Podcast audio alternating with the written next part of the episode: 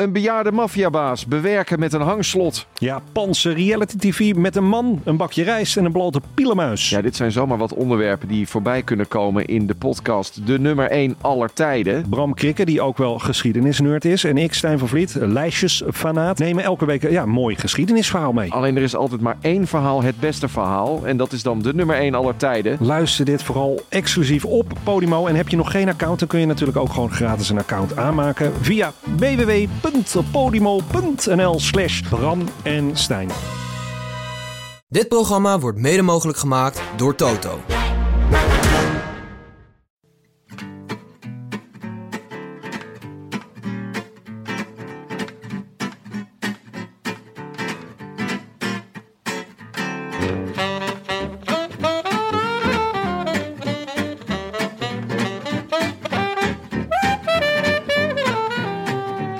Zondagavond 16 augustus en live vanuit de Dag en Nacht Studio's in Amsterdam West is dit de Roland Taarn. De wielerpodcast van Het is Koers.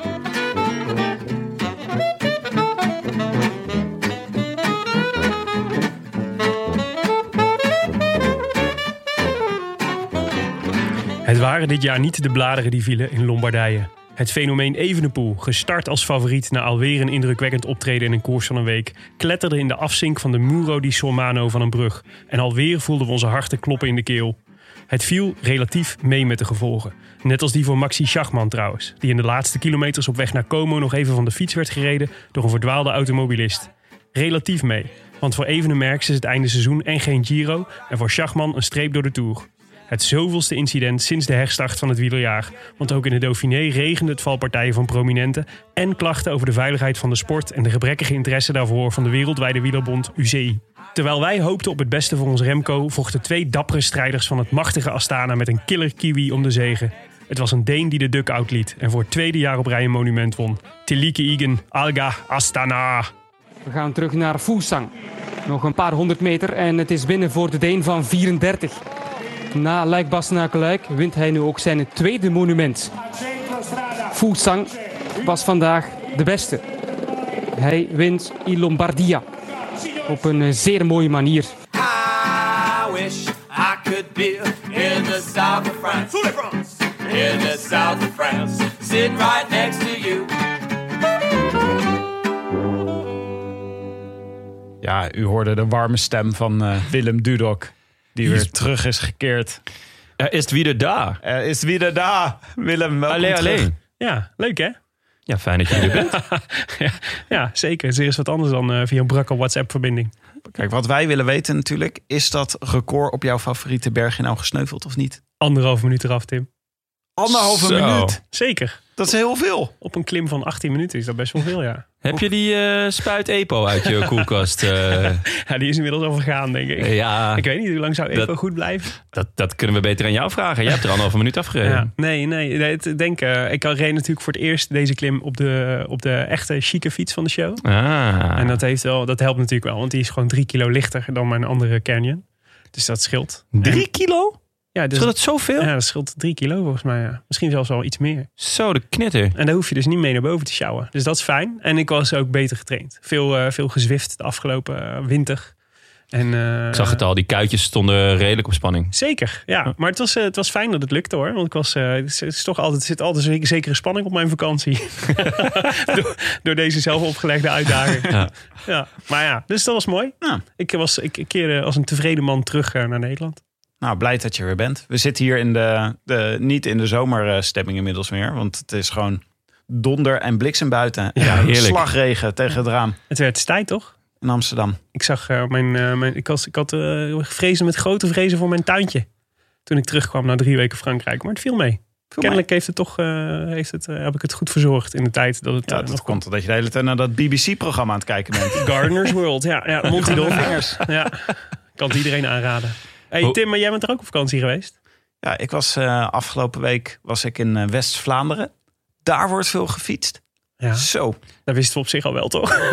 Nou, ik, eh, ja, ik dacht dat we hier in Nederland in een soort hype zaten. Van, Ja. weet je wel, iedereen die hier rondom Amsterdam naar het, het kopje van Bloemendaal fietst. En de Mhm. Ronde Hoeppolder. Ja. Maar daar zaten we, we zaten in een, in een gehucht in Vintelen. Dat is, in, dat is dus in West-Vlaanderen. Het is in een beetje in de buurt van Ieper. Oh ja. En eh, daar eh, reden ze echt in, eh, in bosjes voorbij. Ze keken allemaal bij ons naar binnen. Want ja, het is gewoon zo één zo'n huis, weet je wel. Aan de, ja. aan de En toen, je kreeg natuurlijk gelijk de geest. En hop, Dan ben je weer eens op je sensor fiets, getrapt. fiets gehuurd en eh ratsa. Nee, ik heb wel veel in de jacuzzi gezeten. er was een jacuzzi bij. Ja. Je kan overigens Trots alles over deze vakantie horen... als je naar de nieuwe aflevering van een podcast over media luistert. Oh nee, toch. Met die nerds? Ja, ik was met die gasten van een podcast over media op vakantie. Dus daar hebben we maar gelijk van de gelegenheid gebruik gemaakt... en een aflevering opgenomen. Ja, en je hebt er, ik hoorde hem vanochtend, want ik kon je natuurlijk niet missen tot vanavond. Maar eh, je hebt er uitgebreid verteld over, eh, over de, de hegemonie van dag en nacht. Ja, Onze, de, uit- onze de. Jumbo, de Jumbo-Visma onder de podcast. Je zat er ook gewoon in. Ja, ja, zij zaten samen in het bubbelbad, dus eh, ze hebben af en toe... Yes, dit is kon die wat roepen in de microfoon dit natuurlijk. is wel een heel hoge mate mm, van zelfbevlekking. ja, het was... eh, ja. Ja. Een podcast over media die dan ook nog over je eigen media ging. Ja. Onder andere over Vriend van de Show. En hoe het toch kan dat wij koploper zijn in het dag- en nachtklassement. Zoals soms ook wel eens... Kijk, wij praten altijd over de koers... maar misschien wil je gewoon een keer horen... wat ik eigenlijk van podcast vind. Nou, dat kan dus daar. Ja? En er zijn ook mensen die daar naar luisteren. Nou, ik vond het niet. serieus best een leuk gesprek. Ik heb me vermaakt. Een Wie- uur lang in de tuin, terwijl ik onkruid aan het plukken was. best een leuk Japanse gesprek. duizendknoop, Jon. Heb je daar wel eens van gehoord? Zeker, die zijn... Verschrikkelijk. Klopt, die moet je niet eh, in je tuin hebben hoor. Want Nee, die, ja. die groeit overal doorheen. Ja, maar je, Die gaat zelfs door hout, eh, Willem. Nee, klopt. En Ja. dan eh, ben je echt... eh, en hij, hij draait zich heel ver overal van huis. omheen. Dus hij, hij wurgt alle plantjes. Jongens, Klopt, orde, orde. Ja, de tuinierpodcast even- komt een andere keer. Ja. oh, we, gaan het, we gaan het over media hebben nu? Ik denk dat we even een rondje actualiteiten moeten doen. we want- hebben media gehad, we hebben tuinieren gehad. Ja, nu gaan we het over... Waar gaan we het over hebben? Oh ja, Actualiteit. Wit-Rusland. Nou, inderdaad. daar kan toch niet wat daar gebeurt, jongen.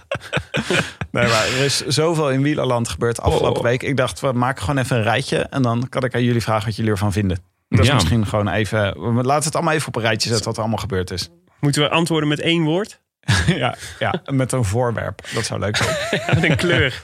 een kleurenassociatie. Oh ja, dat is een goeie, ja. ja. Oké, Eh, eh, laten we beginnen met de mysterieuze opgave van Egan Bernal. Bordeaux-rood. Gitzwart.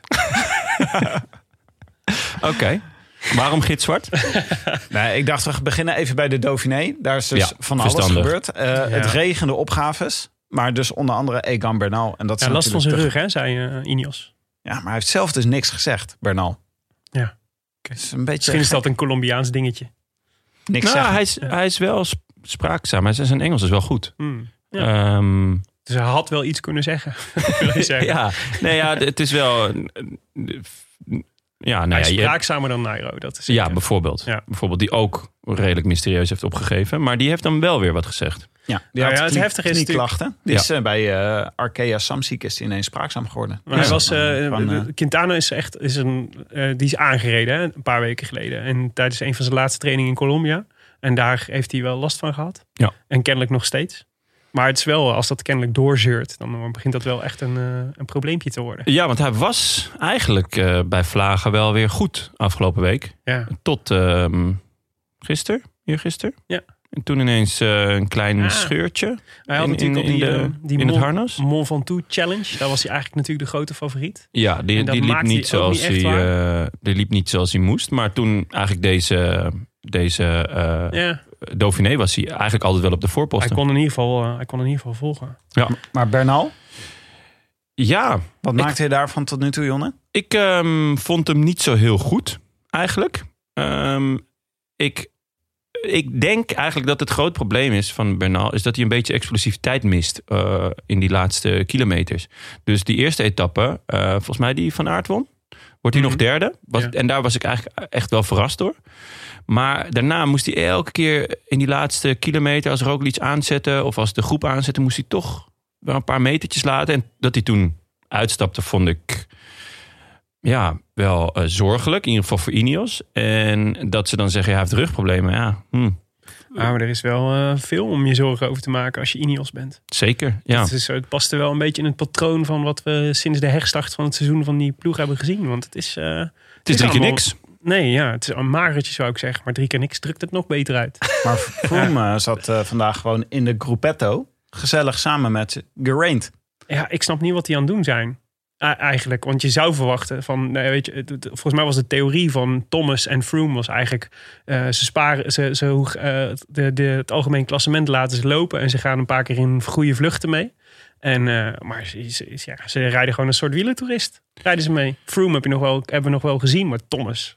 Nou, Thomas is tot twee etappes geleden... is Ja. hij best nog lang elke keer aan blijven haken. Ja, maar wat is best lang? Nou, het laatste twintig man of zo. Ja, maar dat is toch niet het niveau wat je Nee, moet nee, hebben nee, om, helemaal eh, niet. naar de Nee. Te komen. Nee, zeker niet. Ik denk ook dat hij gewoon nog niet goed genoeg is. En, maar dat ze nu in de gruppetto gingen zitten... vond ik inderdaad ook eh, Je zou zeggen, opvallend. Ja, je zou, wanneer komt dan de test? Weet je wel? Of je het, of je, of je, want het is, het is wel heel voorzichtig allemaal. Want nu is het, volgens mij de, de komende twee weken, is het gewoon weer hoogtestage en dan is de tour al.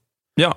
Dus wanneer ga je dan, wanneer is er dan een bewijs dat, eh, dat, eh, dat G het kan? Nou, zij kunnen wel heel erg goed eh, pieken op het juiste moment. Ja, maar ik heb dit nog, heb je dit ooit als gezien van Ineos? Dat ze, dat ze eigenlijk over de hele linie toch een soort van, beetje gevoel van malaise, niet echt goed Nee. Eh, ik, heb, ik, ik herken het niet. En het contrast met Jumbo-Visma is natuurlijk ook heel heftig. Omdat die alles winnen en dat het daar, dat daar heel erg goed gaat. Behoudens de, de twee eh, blessures die ze nu hebben opgelopen.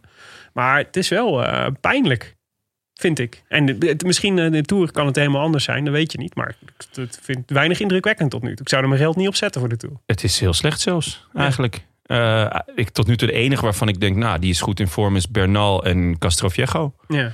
Kwiat vind ik af en toe nog wel oké. Die, die reed in de koers tot nu toe altijd wel top 15. Sivakov zat vandaag Sivakov, ja, klopt. Sivakov. En, en de rest, ja. Maar die heeft dan ook niet het niveau dat hij zo'n dag als vandaag kan winnen. Nou, maar vandaag viel die ook, hè?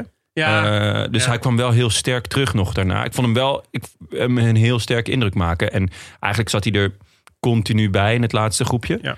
Dus mm, ja, daar zou ik nog wel meer vertrouwen in hebben dan Thomas en Froome. Ik denk wel dat ze er gaan staan. In ieder geval Thomas. ja. Ehm, maar ze hebben... Ineos heeft Thomas ook gewoon heel hard nodig. Want Thomas heeft wel die punch Ja. in de laatste eh, meters. Dus als Bernal daar tekort komt... is het toch wel fijn als ze die hebben... om, om in ieder geval kort in het klassement te staan. Maar het was wel weer de grote Jumbo-Visma-show in, eh, in de Dauphiné. Ja, je hoopt toch maar dat Jumbo niet gewoon, weet je wel, een, een gretigheid te vroeg pieken. En dat Ja. Ineos dan superscherp aan de tourstart verschijnt. En Jumbo een beetje uitgeblust. En door valpartijen gebutst, omdat ze overal weer mee zaten. Maar ze hebben het zo vaak gehad over eh Roglic vorig jaar in aanloop naar de Giro. Dat, dat, ze, dat ze achteraf ook zelf zeggen, hij heeft gewoon te veel gereden. En al was eigenlijk al te vroeg in vorm. Dat hij eigenlijk de derde week van de Giro eigenlijk al over zijn grote vorm heen was. Dus je zou zeggen, Jumbo-Visma heeft daar wel van geleerd. Dat ze, dat ze dit... En het is natuurlijk een ander soort seizoen, dat snap ik ook wel. Maar ik, het, het lijkt me toch sterk hoor. En, en laten we zo zeggen, in de opbouw van Dumoulin bijvoorbeeld, daar, dat vond ik echt heel hoopvol. Dat je hem zag vandaag, hoe, slim, hoe goed Ja, hij mee kon en hoe slim hij reed. Ja, je hebt een, eh, ja, je hebt een case voor waarom Nou, ik ben het er wel mee eens. Dumoulin op het juiste moment gaat pieken. Twee kanten daaraan. Eén is dat, hij, dat ik hem inderdaad steeds beter vond gaan rijden in de Dauphiné. Dat, hij, dat, hij, dat je hem overduidelijk vandaag zag dat hij zichzelf nog even ging testen. En ehm, hij, heeft, hij is echt, hij rijdt zo slim. En dat valt me zo op, bijvoorbeeld in vergelijking met. Heel, je hebt nu heel, natuurlijk heel veel jong, echt jonge gasten die, eh, die vaak vooraan rijden en, en, en dat ook goed doen. Dus Pogacar en, eh, en Evenepoel en zo. Maar eigenlijk als je goed oplet, dan maken die eigenlijk nog best veel tactische fouten. Smijten vaak net iets te veel met hun krachten, weet je wel, niet, net niet zuinig genoeg. En Dumoulin vandaag vond ik echt een schoolvoorbeeld. En dat heeft hij eigenlijk altijd al gehad, hè? dat hij zo supergoed in staat is om dan, als hij voelt, ik kan niet mee op een klim, niet forceren, gewoon laat je gewoon even afzakken of even uitbollen. Nee, niet uitbollen, laat je even terugzakken uit de groep, eigen tempo omhoog. En dat deed hij vandaag zo slim weer, met nog extra, dat hij gewoon eerst echt letterlijk gewoon andermans bord... Nou, niet letterlijk andermans bordje leeg had. andermans bidon leeg dronk, letterlijk. nee, maar dat hij eerst lekker achter die Fransen aan ging hangen. En toen vervolgens, eh, toen die leeg waren, gewoon zelf ging. En ik denk dat dat Gochme wel, hem wel heel ver kan brengen in de Tour. Ook al, eh, ook al eh, ja. Ja. Uiteindelijk wordt hij ook gewoon zevende eh, in, de, in de Dauphiné. Ja. Terwijl hij ook nog best een paar dagen echt wel geknecht heeft. Dus eh, hetzelfde geldt trouwens voor Koes, die tiende wordt. Ja. Poh, jongens, die is goed zeg. Maar nog even over, de, even over alles, eh, al het circus wat we hebben gezien in Do- Dauphiné Libéré. Ja. Want eh, aan het begin van de etappe van gisteren. Het is nu zondag. Op zaterdag viel Ro- Roglic al vroeg in de etappe. En die heeft de rest van de race met een, eh, met een rode bil rondgefietst. Ja. Ook niet meer opgestapt vandaag. Nee. Ja, ik hoop voorzorg. Ik, Ja. ik, ik, maar dat is niet helemaal een bevestigd bericht, maar ik hoorde iets over dat hij duizelig was. Ja, dat, daar schrok ik een beetje Dat van. is, dat is natuurlijk hersenschudding. En in een hersenschudding moet je echt knetter voorzichtig mee zijn. Ja. Eh, dus ja, hopen dat dat niet zo is of anders ligt. Dat hij eh, een week op bed kan liggen eh, zonder al te veel licht en geluid. Ehm, ja, hopelijk voorzorg. Ja. Maar Toch? goed, het kan gebeuren natuurlijk. Zo'n valpartij. Eh, de wet van Willem Dudok is ook natuurlijk... Als je wil winnen moet je op je fiets blijven zitten. Zeker. Eh, maar, Goeie wat, maar wat er eigenlijk wat een groter verhaal was van wat er gisteren gebeurde, was de afdaling van de Col de Plambois. Waar eh, Kruiswijk viel en Boegman en Mulberger. En waar Van, Du- van Mühlberger bedoel je? van Gregor van Mulberger. Graaf, graaf van Mulberger. Gregor van Mulberger. En waar Dumoulin achteraf van zei: Dit was echt belachelijk, jongens. Dit zaten alleen maar gaten in de weg en eh, scheuren. En, En Grint. Ja. Ja, dat, dat, eh, ja dat, dat hoorden wij ook. Ik heb het niet gezien, eerlijk gezegd. Nee, nee. Het was nog niet begonnen, volgens mij, de uitzending. nee, we kregen alleen maar door dat er allemaal mensen gecrashed waren. bok irritant hoe laat die eh, uitzending elke keer begonnen. Maar goed. Ja. Ehm, ja, eh, Dumoulin was echt woedend. Dat was wel mooi om te zien ook. Zal ik nog, nog één ding aan die, aan die reactie. Dat ik eindelijk het gevoel had, de patroon was weer terug. Ja, een- Ja, ja. Dat, dat, dat gevoel, weet je wel? Van dat, dat iemand is die het gevoel heeft, ik spreek namens peloton. En Ja. dat heb je, zie je eigenlijk nog maar zo weinig. Dat, dat, dat, dat- en eh, dat, is- dat, dat vond ik ook wel weer een goed teken. Dat Ja. als je die, eh die, die, die eh schutspa weer een beetje hebt, dat is Ja. lekker. ja het was, Sa- samen met Ja. Gr- Grijpel. Ah ja, André. Ja. Had zich ook, eh, de gorilla heeft zich ook even laten horen. ja. Ja, die vond het- gebruld, even op zijn borst Ja. geslagen. Want ze gingen, ze gingen in die afdaling, omdat ze dus vrij snel merkten van... hé, hey, dit is echt een gierend gevaarlijke eh, Ja. afdaling. Hebben ze heel rustig gereden. Dus ze hebben echt geen druk of zo erop Nee. gezet. Maar er zaten dusdanig veel kuilen in de weg en eh, grind... Dat, ja, dat ze toch eh, echt een flinke smakkert hebben gemaakt. Want, laten we wel wezen... als er bij het vierkant van Brabant een schouder uit de kom gaat... Zo, dan moet er, daar is veel voor nodig. daar is nogal een schouder ook. Zo, ja. Dus uit, ik, Daar gaat nogal wat uit de kom. ik hoor, ik, de, het schijnt dat ze hem tot eh, in Parijs hebben gehoord. dat dat gebeurde. Maar wat hebben jullie, het- hebben jullie er beelden van gezien? Ik had nog even gezocht of er Nee. ergens beelden waren. Maar Nee. volgens mij reed er gewoon nog geen eh was nog motaar niet, mee. eh, nee, was nog geen, eh, geen beeld. Wat zou er gebeurd zijn? Eh, is hij gewoon, eh is hij gewoon ge- Onderuit uitgegleden? gegleden, gok ik. Ja. Ah. Ja, Maar eh, is- zijn er al... Is, eh, Kruiswijk twijfelde of dat de Tour eh, die- haalbaar was? ja. Eh, Boegman ja Boegman is oké, zei hij. Ja? Die wel, had wat diepe wonden. Is toch ook de nummer 4 van vorig jaar? Ja. Ja. Ja, de nummer drie, de nummer vier en de nummer één eh, in Ja, één etappe dag, eh, gevloerd. Ja. Dus ehm, nee, Boegman eh, denk ik wel, daar, die heeft goede hoop, laat ik het zo zeggen. ja, het is toch ook niet lekker als je zo de Dauphiné uit moet. De, Nee, hij was wel weer, voorbereidingskoers voor de Tour. Hij was wel weer goed. Hij viel zelfs één of twee keer aan. Ja. Ja. Niks voor Boegman. Bora ook goed aan het worden. zeg. Zo, ja. De, dat is een ploeg die eh, de, de coronaperiode eh goed heeft verteerd. Die zijn Ja. er ook lekker uitgekomen, ja. Ja, Ja, het heeft allemaal met, eh, met voeding te maken. Hè. Jumbo heel veel met voeding bezig. En bij Borak ook heel goed. ja en ze hebben goede douches. Dat Ja, belangrijk Ja, goede keukens ook. Ja, dat is als je dan binnen zit. is toch handig. Bora, als jullie nog een podcast zoeken om te sponsoren, ik kan altijd bellen, weet je. Laten we even onze lens verplaatsen van eh, wat er allemaal in de Dauphiné gebeurde... naar wat er allemaal in Lombardije gebeurde. Want daar gebeurde namelijk ook van alles wat niet met wielrennen te maken had. Nou ja, Ja. of niet met wielrennen te maken zou moeten hebben. Ja, Met als grootste onderwerp natuurlijk. We hebben vorige week nog uitgebreid Remco Evenepoel belachelijk gemaakt. nou ja, ik... Met eh, zijn gekke gebaartje. Ja, Terecht. maar dit was vreselijk zeg. Wat hier Zo, gebeurde. Ik ja. vond het ook wat een stom toeval dat er in zo'n lange brug... want hij kwam dus de hoek omzeilen... zat Mhm. er een knikje in de brug Ja. op een hele rare plek. ja. En hij reed precies dat knikje in. En hij parkeerde zo zijn fiets tegen het knikje aan. Ja. En lanceerde zichzelf echt een paar meter naar beneden. Ja. En eh, hij schijnt op zijn benen terecht, op zijn voeten terecht gekomen te zijn. Ja, dat Ja. is waarschijnlijk zo'n zo'n geluk geweest. Ja, mijn maag draaide zich weer om. Ik zat weer, eh, ja, net zoals bij Jacobs, van jezus, wat gebeurt hier? En ik vond ook weer dat het vaak werd herhaald. Dat ik echt dacht, ja jongens, we weten het wel. Ja. Ehm, ja, ja, zijn ouders zitten waarschijnlijk ook te kijken. Waarom, waarom moet dit nou vijf, zes, zeven keer nog in beeld worden gebracht? Het enige waar, ja, waar, waar ik op zat te hopen, was, was goed nieuws weer. Het was ja, echt, dat je hem überhaupt het ravijn uit ziet komen, toch? Ja. Dat, dat, is, dat is wat je hoopt. Ja, je, zag het al die, je eh, ziet dan al die fotografen, zie je zo naar, die, naar de rand van dat ravijn eh, eh, toe rennen. ja. En dan is, zit ik dus voor de tv en zeg ik, jezus, wat een aasgieren. Ga weg joh, die gast is net gevallen. Ja. Om vijf minuten te later eh, tegen elkaar te zeggen, hey, er zijn beelden van, er zijn beelden van hem, er zijn veel ja, beelden ja. van hem. Ja. Ja, je wilt toch, je bent ook zelf ergens, eh, we zijn zelf ook natuurlijk hypocriet in dat opzicht. Maar je zoekt ergens naar goed nieuws. Nou, ja. Dat is ook dat je denkt van, oh, maar kijk, je ziet hem gewoon bewegen of je ziet hem praten, weet je wel. Dat is ook het nieuws waar je naar op zoek bent. ja. Dus, ja. dus je nou, wil ook nou, toen, ik hem, toen, hij, eh, toen eenmaal bleek dat hij relatief oké was. Want het is een bekkenbreuk en een... En, nog, eh, Een gekneusde long. ja, Ik denk dat dat gebeurd is toen hij tegen dat randje aanreed. Ja, dus, dat, maar dus toen eenmaal duidelijk was dat hij oké was, toen, toen werden mensen ook wat scheutiger met het delen van beelden volgens mij. En er stonden natuurlijk echt heel veel mensen op die, eh, op die, eh, in die afdaling ook met gewoon te filmen hoe Ja. dat dan gaat. Dus je zag van de verschillende perspectieven kon je de, kon je de val zien. En, eh, en ja, klinkt heel gek, maar hij. Ik denk dat hij en dus de, de, de, voor mijn gevoel dacht, de, de, is de, de, was de grote schade zat volgens mij meer in de, de impact van tegen de brug aan dan de val naar beneden. En de impact tegen de brug aan heeft hem denk ik ook gered uiteindelijk. Want als je die, eh, dat, de, die, die brug zag, eh, zeg maar dat deel waar die in viel, als hij vijf meter verder valt, dus meer, met meer snelheid gelanceerd wordt, valt hij ook meteen 10 meter dieper.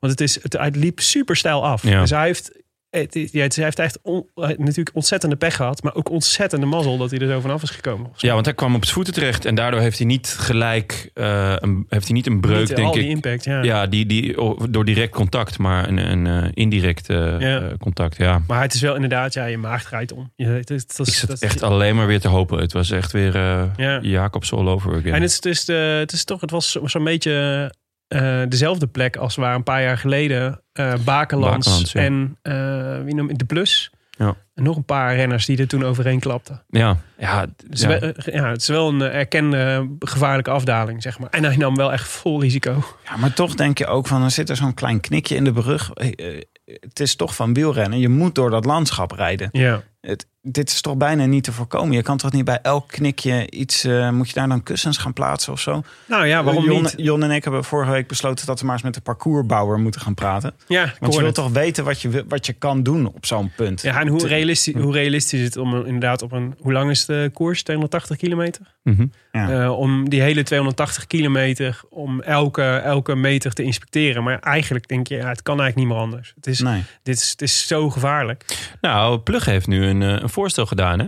Ja, Ehm, die heeft eh, met een aantal andere eh, ploegleiders of sportief directeuren gezegd van... hé hey jongens, zullen we niet gewoon een onafhankelijk instituut in gaan schakelen... om de parcoursen te beoordelen of ze veilig zijn... en dit niet aan de UCI over te laten. Want de UCI, nou ja, ja dat is wel... parcoursbouwer zelf, zoals nu Ja, ja, ja, blijkt wel duidelijk dat dat, dat, dat toch, niet, eh, toch gewoon niet lukt.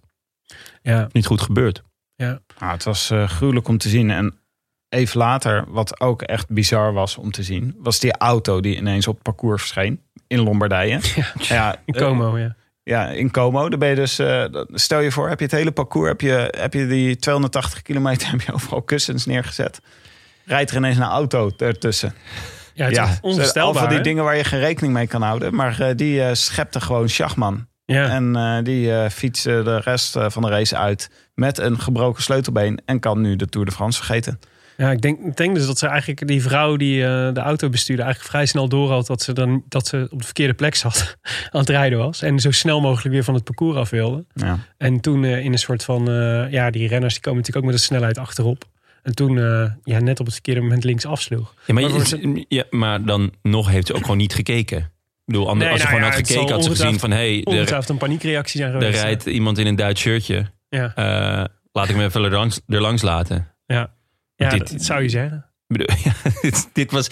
eh, ja, dat, Maar je, ik denk- dat je het parcours bereidt is, is één. Maar dat je vervolgens dan in blinde paniek maar een renner aan gaat rijden... is weer een tweede natuurlijk. Ja, maar het gekke is denk ik dat Schachman ook... Dat, is natuurlijk, voor Schachman is het natuurlijk ook absurd om te... Dan denk je, dat is een auto, maar een, het is een auto die op het parcours hoort. Dus die zal wel weten wat hij doet. Dus die zal, die, is- ik denk dat hij ook pas verrast werd op het moment dat die auto naar links ging. Dat hij in één keer dacht: Oh, dit, dit is helemaal niet. Dit is helemaal geen ploegleider of wedstrijdleiding. dit is gewoon een verdwaalde, een verdwaalde toerist. Ah, die vrouw reageerde ook echt Ja, totaal eh, gechoqueerd. Die was echt zo, oh nee, oh nee, wat is er gebeurd? Dus ik denk wel dat daarom die theorie van jou ook wel kan kloppen. Want Ja. het was ook zo alsof ze het zag aankomen. Want ze reageerde zo adequaat gechoqueerd over wat er gebeurd was. Ja, maar het blijft absurd. Hoe, hoe komt zij op het parcours? Dat is natuurlijk echt. Dat, is knap, want het, het was ook. Het was niet op een. Het was in de laatste kilometers van de koers. Ja. Dus het is dan staan normaal gesproken zouden daar allemaal hekken moeten staan en zo. Dus echt heel raar, toch? Ja, ja. Eh, tot slot, want eh, ja, het, het was zoveel te bespreken hè, in één week. Maar eh, nog, een, nog maar een week geleden was Fabio Jacobsen natuurlijk het gespreksonderwerp. Ja. Eh, ploeggenoot van Evenepoel. Nou, daar hebben ze ook wel wat, eh, bij Quickstep hebben ze ook wel wat eh, aan tafel om, om te bespreken. Eh, er was een, eh, een, een luisteraar die mailde ons. eh, die, die zei, zou het kunnen dat bij Quickstep de sfeer en de omgang van de formatie zo wolfpack is dat rijders blind worden voor risico. Zowel Fabio als Remco zijn jonge renners die allebei ernstig verwond zijn door grote risico's te nemen. Nee. Ik weet niet of het echt in dit geval aan de risico's heeft gelegen van, eh, van Fabio Jacobs en Remco Evenepoel, toch? Nee. Nou, ik weet denk ook niet dat het of aan Quickstep ligt of aan specifiek aan die jongens. Ik denk wel dat het meespeelt. eh, dat het natuurlijk weer de eerste koersen zijn na lang stilzitten. Dus dat er wel ligt wel druk op. Die jongens zijn allemaal fit, allemaal scherp, allemaal willen allemaal winnen. Want er zijn ook niet zo heel veel kansen om, er, om, je, om je stempel te drukken. Dus dat zal er wel mee te maken hebben. En ik denk, hoe jonger je bent, hoe misschien meer immuun je bent voor risico. Eh, dus dat zal ongetwijfeld een beetje mee te maken hebben. Het is niet voor niks dat Ja, de- Grijpel en Dumoulin zeg maar, het voortouw nemen in, in, in het zeggen... jongens, eh, even chill, weet je wel. De, die jonge gasten die doen dat gewoon nog niet zo erg. Ja, maar de suggestie is natuurlijk dat bij Quickstep eh heel erg renners worden opgestookt om het tegen elkaar op te nemen als een soort Ja. Ja. Eh, nee, maar dat, toch. Maar dat macho, ja, dat, weet niet, dat macho gedrag zit wel in meer ploegen. Dus bij de Wolfpack zit dat wel, zit het misschien heel, is het misschien heel erg aan de oppervlakte. Maar ik geloof dat dat zit natuurlijk heel erg in het wielrennen opgesloten al zelf.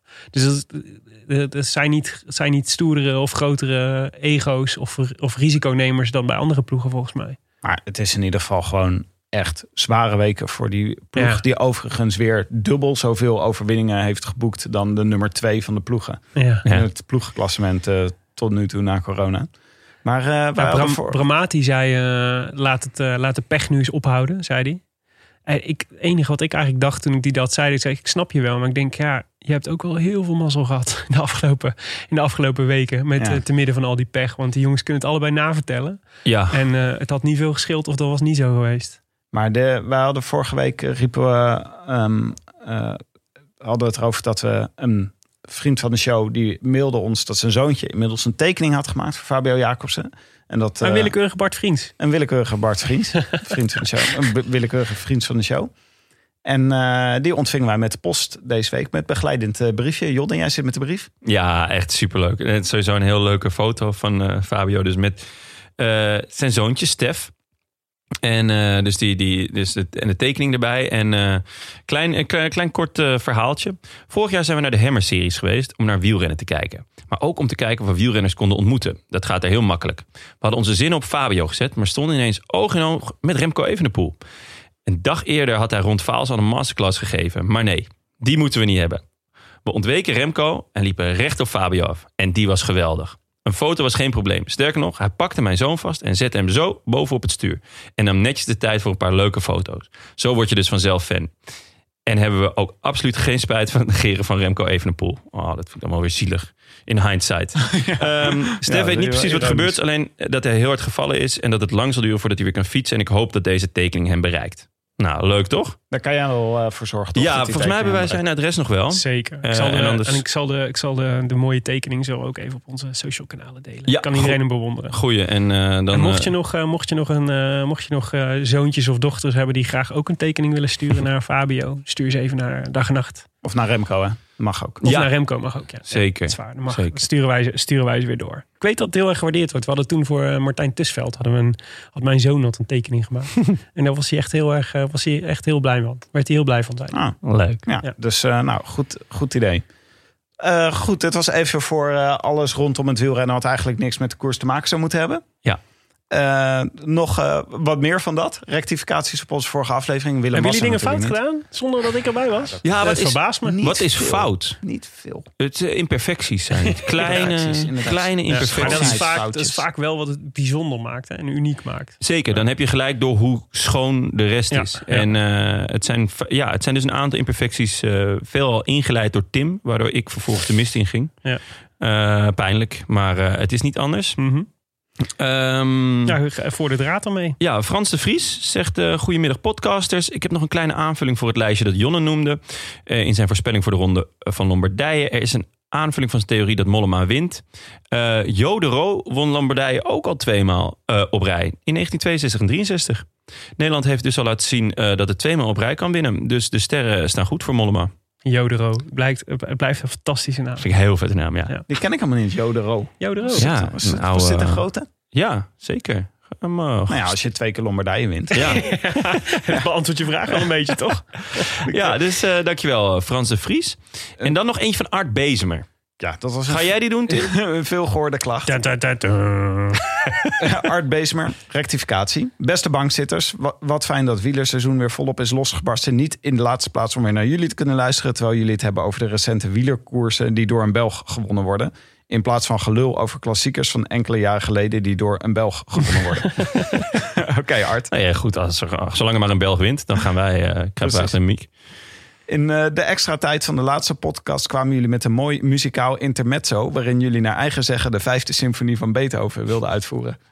Was, ja, Ja, dat ging bij jou mis, Tim. kleine ambities. Kleine ambities. Moet je gewoon, moet je, af en toe moet je het jezelf wat moeilijker maken. Zowel in de neurieën van Tim als in de uitvoering op de bierfles van Jonne herken ik toch echt een fragment uit de negende van Beethoven. Ja, het Europees volkslied. Van iemand die in het concertgebouw heeft gewerkt. Ja, dat- ja. Jonne, Dat was ook mijn eerste gedachte. valt Ja. me dit toch Maar in de garderobe, toch? Nou, eh, van afwasser tot eh, Kon je, het daar wel, host. kon je het daar wel horen? Ik moet eerlijk zeggen dat ik niet heel... Ik ben niet heel vaak naar, naar concerten geweest. Daar, de- Tuurlijk, ik hoor het wel. Jij Maar- kwam vooral voor de sfeer. Ja, zeker. Hey, maar weet je wat wel een leuk feitje is? Wat Art dus ook zegt. Het thema van de vijfde van Beethoven heeft wel een vergelijkbare bekendheid. Vooral door de Tweede Wereldoorlog en de film The Longest Day. Het thema, kort, kort, lang, toch, ja. denk ik, Ja. staat in Morse voor de V van Victory. Dat is toch vet? Dus Ah. eigenlijk was gewoon het best wel goed. Weet je, Wout van Aert had net gewonnen. Wij konden gewoon Oké. fluiten. Misschien kunnen we dit na de uitzending nog even proberen. Ja, want eh, Jacob eh, van die, die biertje heeft dus ge- gebrouwen. Die had me er ook al op gewezen. En die zei, eh, ik stuur nog een sixpackje op. eh, dan hebben jullie nog een herkansing. Dus eh, misschien kunnen we eh gedrielijk aan het eind nog een klein stukje... Ja. Even wat fluiten. Ik zou ik niet weten hoe het verder gaat. Oh ja. Niet echt. We fluiten het zo even voor je, Willem. Ja, Komt goed. Anders doe jij het begin en dan pakken eh, Tim en ik hem Ik, later. ik ben altijd meer een Mozart-man geweest. Jongens, genoeg om de hete brei heen gedraaid. Laten we het over wielrennen hebben. maar niet voordat we een natje hebben geopend. Want wielrennen bespreken wij alleen met een natje. En eh, we hebben een tijdje geleden natuurlijk gevraagd op onze Vriend van de Show eh, pagina. De Rolantaarnpodcast.nl naar eh, tips voor lokale natjes. Dus we hebben vandaag... Willem die heeft al die natjes die aangeraden werden besteld. En masse. En er werden hier echt op de dag en nacht redactie drie enorme dozen met bier bezorgd. En daar heb Ook ik allemaal trippels ook. allemaal trippels. Ik heb daar vandaag de Gutte Pier trippel heb ik daaruit eh gevist. Een tip van Mana Signo. Zijn het echt alleen maar trippels? Eh, nee, ik had, want op een gegeven moment dacht ik, toen werd het, het werd, maar het is natuurlijk typisch dat als je mensen vraagt wat is je favoriete bier, dat iemand dan een trippel tipt, omdat daar dan het meeste smaak aan zit, maar dat drink je maar eentje. Ja. Maar het- op een gegeven moment ben ik dus bewust gaan vragen aan mensen om iets lichters. Speciaal. En hebben er ook mensen gewoon een fluitje of zo? indachtig. Nee, niemand heeft gewoon, eh, gewoon, gewoon een vaasje Heineken. eh, een fluitje Heineken. Ja, Dat was ook wel leuk geweest. Misschien Ja. komt die tip nog binnen en kunnen we hem alsnog een keer drinken. Zou ik waarderen. We hebben, we hebben geen eh, gewone mensen onder onze luisteraars. Maar, Maar Tim, ja, komt uit Friesland, eh, blijkbaar. Want daar staat Typische de Friese brouwerij. Mana Signo, ja, dat, is, ja, dat is, komt heel vaak voor in, eh, in Kimswerd. Want hij schrijft... De moutigheid staat voor de tijd dat Gutte Pier nog een boer uit Kimswerd was. De zoetige bitterheid staat voor de wraak op de Hollanders die zijn vrouw vermoorden. Een heerlijke triple. Zo, luguber kantje zit aan. Zo, eh, de zoete bitterheid staat voor de wraak op de Hollanders die zijn vrouw vermoorden. Ja, dus van, Ah, hij heeft wraak genomen op van de Grote Hollanders. Pier. Jeetje. Ja. Dus Door dit biertje te, brouwen. Lekker- mooi lokaal natje. Lekker uit Friesland. Proost op je Zo'n vrouw. Friesland past wel bij deze hitte. Sorry nog. op de vrouw van Grote Pier. Proost jongens en op de koers. Cheers. We gaan het hebben over de ronde van Lombardije gisteren. Ja. Jon, en wat voor eh, soort koers is de ronde eh, om even weer op te frissen voor de mensen die het even kwijt zijn door corona en alles? Nou, normaal gesproken is dit eh, de, de officieuze afsluiter van het, eh, van het wielerjaar. Of het begin van het zwarte gat. Ja, ja eigenlijk wel. Ehm, dus eh, de koers van de vallende bladeren. En het is een van de vijf monumenten. En eh, het is het monument dat het meest geschikt is eh, voor, de, voor de lichtgewichten onder ons. Dus eh, de Jonas Rieses. De Pogacars van deze wereld. Ja, mits ze meedoen natuurlijk. Hè? Mits ze meedoen. Ja. Ehm, En vorig jaar won eh, Mollema natuurlijk. Het tijdperk is daar begonnen, inderdaad. Maar eh, daarom is het... Nou ja, ja, het Pogacar voor, voorspeld. Maar ik vond de hertekening eh, eigenlijk al een tijdje ongelukkig. Omdat ze hem dus tegelijkertijd met de Dauphiné hebben gepland. Waar ook allemaal klimmers actief zijn. Waar ook allemaal... De Dauphiné was echt een klimmerskoers dit jaar. En aanvankelijk was, eh, stonden Sanremo en eh, Lombardije ook omgewisseld. Maar toen, de Italianen zijn natuurlijk van de tradizione... Ja. En die vonden niet dat je kon beginnen met, Met de herfst met de herfst. en dan dus, de lente. ja. ja. Dus ehm, daardoor was het ehm, deelnemersveld misschien iets minder chic dan Had gekund. had gekund. Ja, Ja. dan had gekund. Nou, daar heb ik nog een theorietje over zometeen. Maar het was natuurlijk ook zo dat vorig jaar alles draaide om Roglic. Iedereen was vorig jaar op Roglic aan het wachten. Ja. En eh Sepp Koes reed toen ontzettend goed Ja. in Lombardije. En die waren allebei dit weekend natuurlijk ontzettend aan het heersen in eh, Frankrijk. Ja, die hadden hier eh, wel raad mee geweten, denk ik. Ehm, het was eh 231 kilometer van Bergamo naar Como. Dus niet, jullie zeiden net 280 kilometer, maar het was 231 kilometer. Nou, dat is toch Ehm, alweer 50. Ja. Eh, vroeger was de scherprechter eigenlijk altijd eh, de Madonna del Ghisallo. Maar inmiddels eh, heb je de Muro di Sormano. Ja. Sormano? Sormano. Sormano. En die is echt, dat is een heel kort eh, stukje, 1,7 kilometer. Maar eh, ja, echt eh, Super gigantische percentages. Ja. Dus eigenlijk de laatste jaren is dat wel waar de beslissing valt. Ehm, we begonnen met een kopgroepie van 11 renners. Wanneer haakte jij in? Zat je weer lekker met je Eurosport playertje op het balkon? Want ik begrijp dat je afgelopen week alleen maar op het balkon hebt gezeten. Eh, kijk, jullie waren allebei op vakantie, dus het, het zware werk was eh, voor mij. Ik moest al die koersen in mijn eentje kijken, jongens. Ja, Er, Ach, er kwam nul steun vanuit het Ja. team. ja dat is Dus zo. ik heb eigenlijk alleen maar kopwerk gedaan vanaf het balkon. Ja. Nee, ehm, ja, eigenlijk wel. Ja. Ik heb een lekker balkonnetje. En eh, daarna, ja, er waren natuurlijk eh, eh, drie koersen die ik, of twee of drie koersen die ik allemaal heb moeten kijken. En eh, ik had mijn dochtertje, eh, slim als ik was, bij mijn moeder te slapen eh, gelegd. En die sliep lekker Echt door. het, het wielerweesje noemen we er ook wel. Ja, maar ook gewoon de hele dag lekker op de bank eh, koers heb kunnen kijken. Ja, was, eh, was heerlijk. Maar wat, wat trof je aan toen je inschakelde bij Lombardije? Poeh. Eh, volgens mij was die kopgroep was al teruggepakt. Volgens mij kwam ik binnen op... eh, eh, Maarten Cialinghi was alweer eh, in het peloton. volgens mij de mee. Madonna eh, del Ghisallo. Volgens mij schakelde ik daar ongeveer in. Ah, Dus dat, dat groepje van, eh, van zeven man. het was wel bizar dat na die Gizallo, wat dus echt zeg maar de scherprechter is over het algemeen, zaten er gewoon nog vijf tracks zaten erbij. Ja. Trek die was echt, eh, met een ploeg van Mollema, die was echt gekomen om gewoon eh, Ja. totaal dominant eh, te koersen.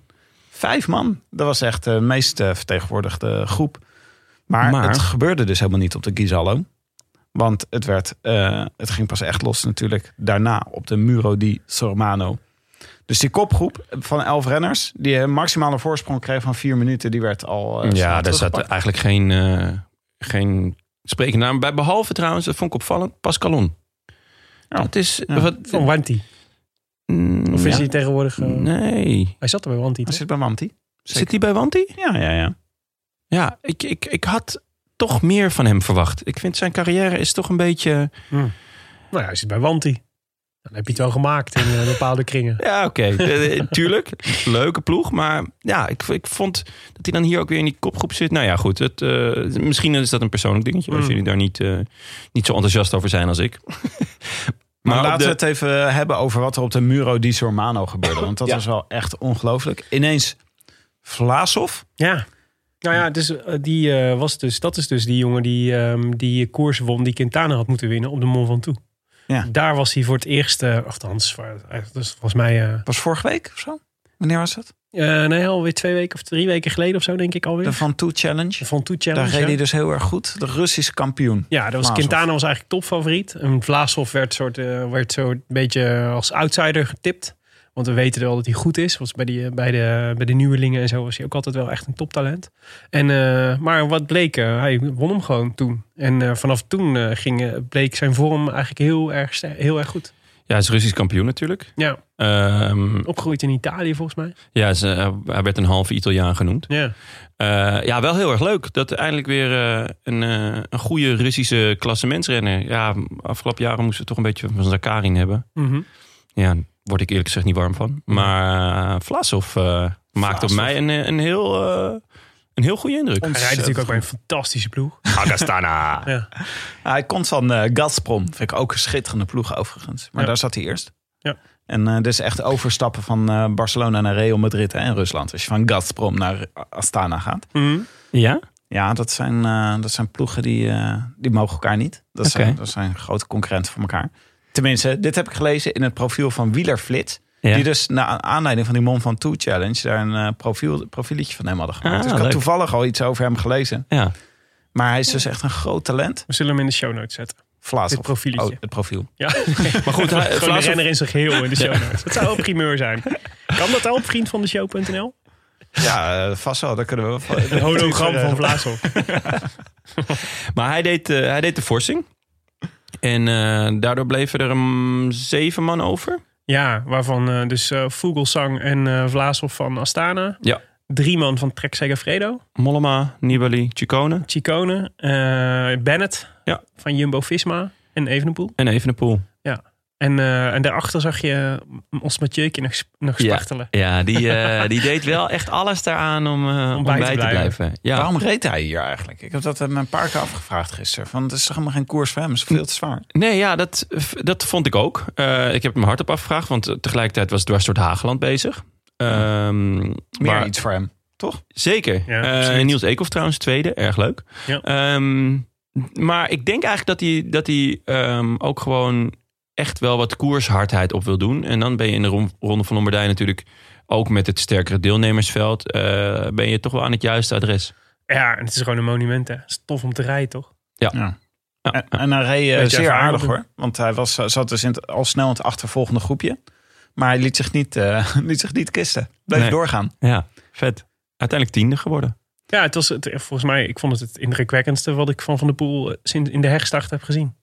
Ja, Echt goed. En Ja. veelbelovend voor wat er nog komen gaat. zeker. Dan vindt natuurlijk met die zeven man vindt de valpartij plaats. Ja, En dat is in de afdaling Ja, van, de, Van die muren. van Sormano, toch? Ja. ja en wie leidde die afdaling? De kwal van Willem. Messina. D. Ja, Ja, ja, het gaat vaak fout als Nibali aan het afdagen is. Dat blijkt maar weer. Ja. nou ja, hij op de limiet. Ja, op nee. de limiet. En eh, ik las een interviewtje met José. Ja, Eh, en die zei, ja, als eh, Nibali gaat dalen... dan moet je eh, stevig in je schoenen staan. Wil je dat kunnen volgen? En Mhm. dat klopte eigenlijk ook wel. Hij, het, het, was wel. het was echt wel op scherp. Want Zeker. zij kwamen, waar even een poel viel... dat hele groepie kwam, die scheerde langs, ja, langs, langs ja, dat muurtje waar, waar hij ook viel. zeker. Ja, het is, ik vind het altijd link om, eh, als, ik vind altijd link om te zien als Nibali in zo'n groepje op kop rijdt. Want hij gaat inderdaad heel hard, maar hij neemt ook altijd veel risico. Dus het is ook, als je daarachter zit en je hebt nog minder zicht dan hij heeft, zeg maar. Dan is het gewoon echt best, het is gewoon echt link. Ja, En, eh, maar Evenepoel zat er natuurlijk echt een paar meter achter al. Hè? Dus ik had het gevoel dat Evenepoel daardoor ook meer risico aan het nemen was. Omdat hij het, eh, de aansluiting bij dat groepje aan het missen was. En, eh, want je ziet ook op die beelden dat hij dan... Dat hij, zit er, hij rijdt er echt al een paar meter achter. Ja. Ja, dan, dan, is, dan is natuurlijk de neiging heel snel om, eh, om eh, het even iets laten te remmen. En dan Ja. vlieg je zomaar de bocht uit. Zie Jon-. Jonne, hoe voelde je eigenlijk toen dit gebeurd was? Want eh, ik weet, waar we het vorige week over gehad hebben... is dat je dan eigenlijk je koersplezier direct verdwijnt. Omdat, je, omdat er zoiets gebeurt.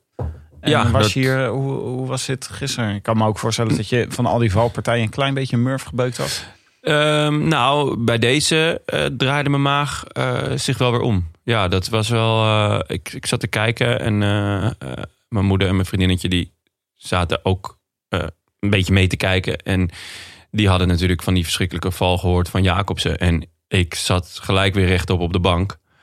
En ja, zij, zij zeiden ook van ja, eh, wat, wat is dit voor sport? Van, eh, gaat dit elke week zo? Eh, ja, nee, maar de- dus Ja. en toen begon eigenlijk weer het continu verversen van mijn telefoon. Van goh, is er nieuws, is er nieuws, is er nieuws. Ehm, het, het raakte me minder persoonlijk, want ja, ik, ik ken eh Evenepoel niet. Maar wel, het, het raakte me wel dusdanig op een manier dat ik dacht van... godver, daar gaan we weer. Ja, het is in ieder, geval, in ieder geval tot op het moment dat je een soort duidelijkheid hebt over hij leeft nog, weet je wel. Dan zit ik, dan zit Ja. ik wel echt een soort mu- murf gebeukt te kijken.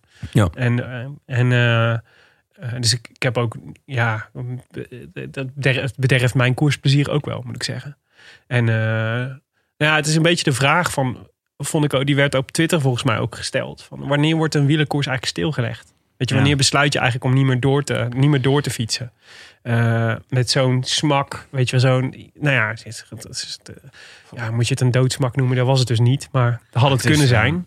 Maar is er, maar is, ja, ik, ik vraag me af of dat daar, zijn daar regels voor? Is dat, bestaat dat? Weet je wel, is dat, of is dat daar een interpretatie? Of gaan we gewoon altijd maar door? Ja, dat, dat hebben wij ons dus inderdaad vorige week afgevraagd. En ik, ik vond het dus heel... Het ging tegen mijn gevoel in vorig jaar bijvoorbeeld... dat er na de dood van Björn Ja, dat ik gewoon Ja, dat zei. Dat, werd ik. gekoerst. En dat ik dacht, ja... dat waar- vond ik ook absurd. Ja, waar je Maar weet je waar het ook zin is? in Het hebt, is joh. ook ontzettend onpraktisch om een koers halverwege de koers af te lassen. Want dan zit namelijk al die renners die zitten op verschillende plekken langs, Ja. dat, eh, langs dat parcours. En het is, eh, Mhm. er is een heel groot gedeelte van, eh, van de weg is er afgezet. En renners moeten op een bepaalde manier vervoerd worden. Het is volgens mij heeft het ook een heel erg een praktische reden dat je Maar- gewoon allemaal bij de finish moet aankomen. Maar, ja, maar goed, ja, als je zegt van de koers is vanaf nu geneutraliseerd. En, eh, en eh, rij je gewoon allemaal lekker terug naar je hotel. Dan komt het er ook goed. Want er vorig jaar in de Tour zo'n moment met, met die aardverschuiving. Dat, Ja. ja, dat is praktisch onhandig. Maar het is toch, uiteindelijk is, is iedereen gewoon netjes thuisgekomen, toch? Ja, ja, nee, dat is waar. Ja. Nee, het is meer, ik, ik weet het ook niet hoor. Ik weet ook niet het antwoord wat je dan moet doen. Want ik bedoel, uiteindelijk valt het mee en, eh, en eh, eh, relatief mee met de schade. En is het, en Nou, is je het- weet het ook nog niet. Hè? Dus voor Nee. de, s- Ja. als je, je bent de jury of zo van iemand die dat Ja. zou moeten beslissen. En je weet niet wat er aan de hand is. Mhm. Het zou ook kunnen ja, dat hij met schrik vrijkomt. En als je dan ineens een koers hebt afgeblazen, is het natuurlijk ook eh, vervelend. Ja, Ja. ja. ik... Het is meer dat ik een soort mijn verbazing dat het eigenlijk dat het eigenlijk nooit gebeurt. Tenzij er inderdaad een aardverschuiving is, waardoor het parcours niet Ja. meer bereidbaar is. Maar nooit om redenen van veiligheid of zo. Of de renners doen het soms. Hè? Ja. Die zeggen dan gewoon weigeren. zoals, zoals vandaag eigenlijk in de Dauphiné. Dat ze begonnen met een, eh, met een neutralisatie. Ja. Ja. Maar goed. Maar, de, maar die, eh, die groep was natuurlijk wel interessant. Want eh, hoe bizar is het inderdaad als je zes man over... Want het is Evenepoel eh viel letterlijk uit. Dus dat je met zes man overblijft. Waarvan drie van Trek, twee van Astana en George Bennett. Oh, Bennett ook goed. Er is gewoon bij Jumbo is iedereen tegelijk in vorm. Hè? Bennett was ook weer Ah. zo ja, goed heerlijk. gisteren. Hij had natuurlijk ook een mooie overwinning eh, gehaald eerder die week. Maar, de, maar de, de- eigenlijk zit ik dan te kijken en dan denk ik... ja, het is eigenlijk het is prachtig voor Trek Segafredo dat ze hier met z'n drieën zitten. Maar ja, het is ook wel een zware last op je schouders. Want als je er met z'n drieën zit... eigenlijk denk je, ja, ja dit, moet je wel dit moet je uitspelen. Ja. En ehm Nou, je kan je nog enigszins En uitgespeeld snor- werden ze. uitgespeeld werden ze. Je kan nog enigszins zeggen- je snor drukken door te zeggen... er zitten ook twee Astana's bij. Kun Ja. je zeggen, ja, eh, die moeten ook eh, iets doen. Eigenlijk kon vooral Bennett kon gewoon denken... nou, jongens, Ja. zoeken jullie maar lekker uit. Ja, Nou. nou, dat dacht ik ook dat hij dat zou doen. Dat hij, dat hij gewoon eh, lekker zou volgen en, eh, en die gast het werk zou laten doen. Maar wat er in ieder geval niet mag gebeuren als je met, met z'n zessen bent, is dat, je, dat er drie mensen wegrijden. Die van, twee van Astana en George Bennett zijn. En dat je uiteindelijk 4, 5 en 6 wordt. Ik werd ook melig van het onderkoelde, de onderkoelde reactie van Mollema achteraf. Ja. Die, die toch nog even kwijt moest. Dat het toch wel mooi was dat ze dat ze met drie man, vier, vijf en zes waren geworden. Ja. denk ik, ja, van de zes die vooruit waren. Ja, maar het was natuurlijk ook wel weer zo. Dus in their defense. Het is natuurlijk, ja, als je de benen niet hebt, dan houdt het natuurlijk gewoon op. Ja, ja dan kan je nog drie, nog drie hebben wat je wil. Het, is wel, het waren wel Vla, Vlaas of Vogelsang en Bennett, zeg maar. Ja, het is ook niet, het zijn ook niet de minste. En als bergop, het is ook niet dat je... Ja, Nee, het is... Het is je kunt elkaar ook niet echt helpen. Nee, dat is natuurlijk bij de Ronde van Lombardije. Het is toch vaak dat de sterkste wint. Ja. Omdat het, omdat het gewoon een, een, eh, een te zware koers is eh, om, om, om nou heel veel tactisch te kunnen doen. Maar ja, ik vond het wel... Want Nibali cijferde zich volgens mij helemaal weg. Mhm. Ehm, en Chicone daarna ook voor Mollema. Ja, dat is dan toch niet een goede keus. Nee. Want op het moment dat die, dat die andere boys gaan, kan Mollema niet mee. Dus En dat was al eerder eigenlijk een beetje aangekondigd. ja, dus, dus misschien hebben ze daar gewoon de verkeerde kaart gespeeld. Ja, maar ja, misschien was Nibali ook gewoon niet goed genoeg. Nee, ja. En Chicone ook niet. Ja, ja, ja. Ja, ja, dit- de- dat is natuurlijk zo, zo plat is het misschien soms gewoon. ja. Gewoon alle drie niet goed genoeg. Maar het was wel, ehm, de- vervolgens kwam je dus in een situatie dat Vlaasov, Vogelsang en Bennett met z'n drieën op kop kwamen. Weer Ja. Vlaasov reed iedereen. Ja. Reed iedereen aan, die reed al die tracks eraf. Ja. Dus die had al op de eh, muur van Sormano had hij al het hele peloton min of meer door, in mootjes gehakt. En nu ook nog eens even de kopgroep. Maar wat wel interessant is, dus er waren nog twee bergen. Dus dit gebeurde op de Civiglio. En dan krijg je daarna krijg je nog één bergje. Ja. Maar eh, de Civiglio eh, was dus, daardoor bleven er drie renners over. En eh, als je dan kijkt naar de tijden over hoe snel de Civiglio is opgefietst. Was vorig jaar, reed Mollema, demareerde hier. Toen was iedereen naar Roglic aan het kijken. Toen ging Mollema er zijn eentje vandoor. En die reed toen in 12 minuten en 45 seconden de Civiglio op. En dit jaar deed Mollema er 13 minuten en 37 seconden over. Dus die reed echt beduidend lang, langzamer reed hij die bergen op. Maar ook Vogelsang en Bennett, dat groepje, die, reden ook, die deden er ook dik 13 minuten over. Dus Mollema was vorig jaar echt supersnel. ja. En dit jaar was misschien wel, doordat de Dauphiné ook tegelijk gereden werd, was het Mhm. tempo gewoon langzamer Ja, op de ja Civiglio. dat zou kunnen. Ja. Maar ik vond het wel uh, en het was super warm, trouwens. Hè? Dat, Dat, is eh, normaal in het najaar en nu in de hoogzomer. Ja, zo'n lekker cool herfstbriesje heb je normaal. Ja, want het was ook eh, nog een statistiekje is dat de eh, top 10 nog nooit zoveel eh, tijd uit elkaar heeft gelegen Nee. sinds, wat was het, 1994 ja, dus het was echt een zware koers, Ja. zegt dat. Ja. Ja. Grappig, dat was bij eh, de strade ook. Ja. Dat was ook zo'n enorm verschil tussen nummer 1 Ja. en nummer 10. Ik denk ook dat dat toch wel, eh, dat de hitte daar een, eh, Ja. een vrij grote rol in heeft natuurlijk. Maar eh, vervolgens die eh, Astana's speelde het wel echt prachtig uit, zeg. En eh, dat was echt een ma- masterclass hoe je, hoe je dit soort koersen wint. Was Vogelsang natuurlijk volgens mij sowieso de beste van de drie. Dat zag je al wel. Maar Vlaasov werd, eh, werd keurig ingezet om, eh, om het, het, eerst het verschil te maken met, met de tracks. En vervolgens als soort van schaduw achter Bennett te, hangen, te blijven hangen. Waardoor Bennett gedwongen werd eigenlijk om te demareren. Bennett zei zelf ook, als ik in de sprint kom, terechtkom met Vogelsang, dan, dan verlies ik het.